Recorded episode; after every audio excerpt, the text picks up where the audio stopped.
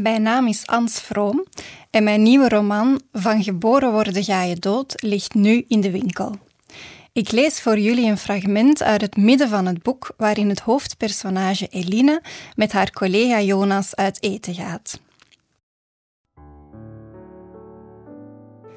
In het bomvolle Italiaanse restaurant stonden op ieder tafeltje een kaars en een rode roos in een glazen vaasje.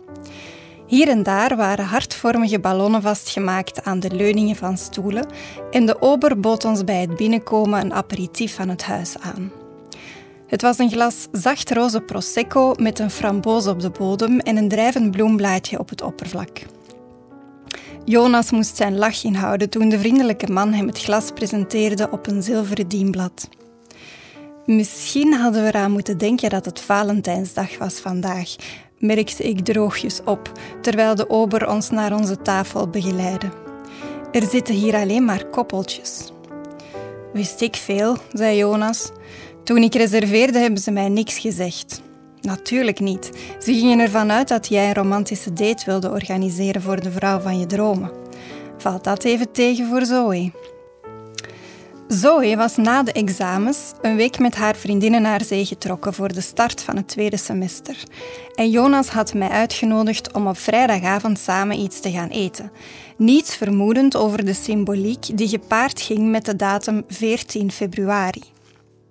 In het restaurant klonk zeemzoete Italiaanse accordeonmuziek, afgewisseld met de top 10 love songs aller tijden, die ik herkende omdat dat een van de enige CD's was die mijn grootmoeder ooit had gekocht.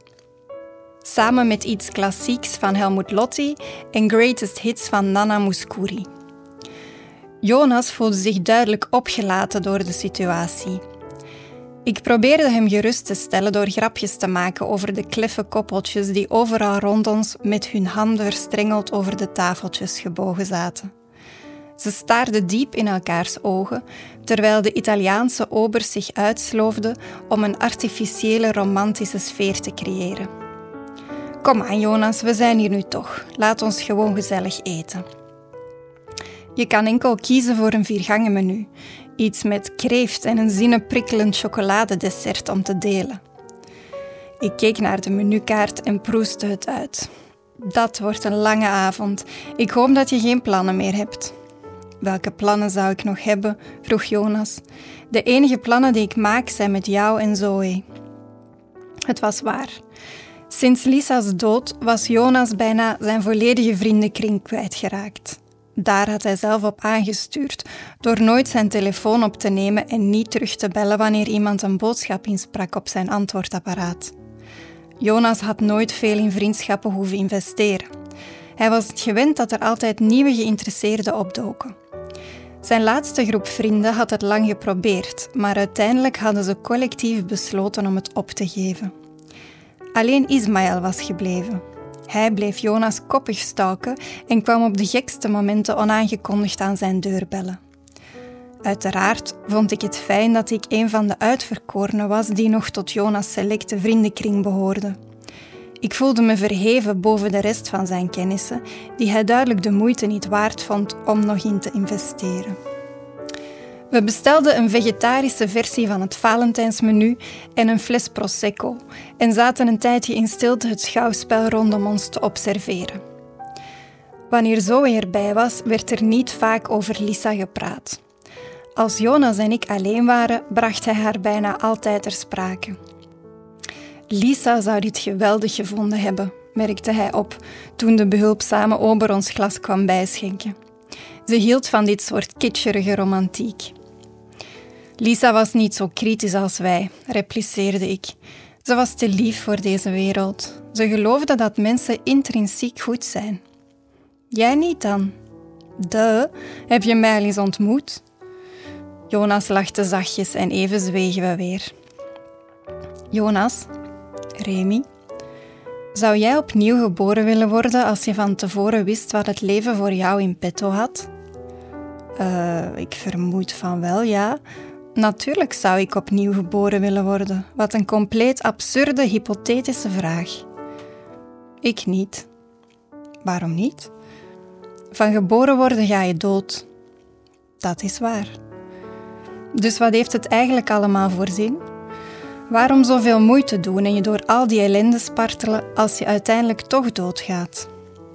Omdat er hier en daar tussen al die ellende ook lichtpuntjes opduiken, die het allemaal de moeite waard maken. Sinds wanneer ben jij zo'n positivo? Geen idee. Sinds ik Zoe ken waarschijnlijk. Zij maakt alles makkelijker. Ik knikte en zag hoe zijn ogen opnieuw droeviger werden. Al ben ik me ervan bewust dat ze waarschijnlijk niet lang meer bij me zal blijven. Waar haal je dat vandaan? Zoe is gek op jou. Kom op, Remy, wees nou eerlijk. Zoe is 18, ik ben 34. Het gaat toch nergens naartoe. Dat weet je niet.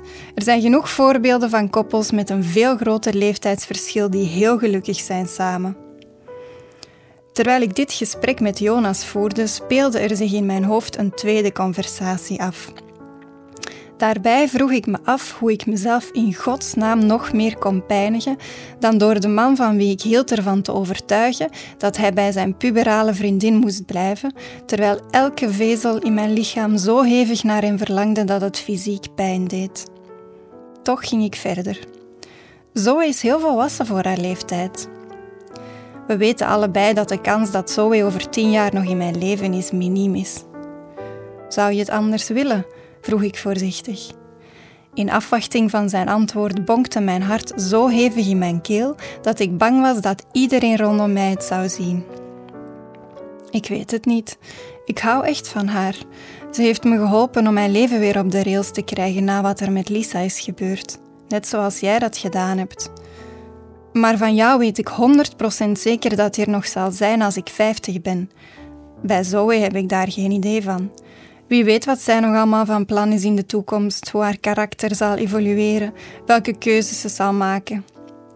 Jonas bleef verder praten, maar ik luisterde niet meer naar wat hij zei. Het enige wat zich in mijn hoofd bleef herhalen was die ene opmerking. Van jou weet ik 100% zeker dat je er nog zal zijn als ik 50 ben. De combinatie van die woorden met de romantiek die in de lucht hing gaf mij weer hoop en die hoop werd nog gevoed toen we na het verlaten van het restaurant door de ijskoude nacht naar huis wandelden en Jonas zijn arm in die van mij haakte. Dat was gezellig, zei hij. Bedankt voor de romantische date, grapte ik toen we op het kruispunt kwamen waar onze wegen zouden scheiden. Net op het moment dat we stilstonden om afscheid te nemen, viel er een sneeuwvlokje uit de lucht. En daarna nog één en nog één.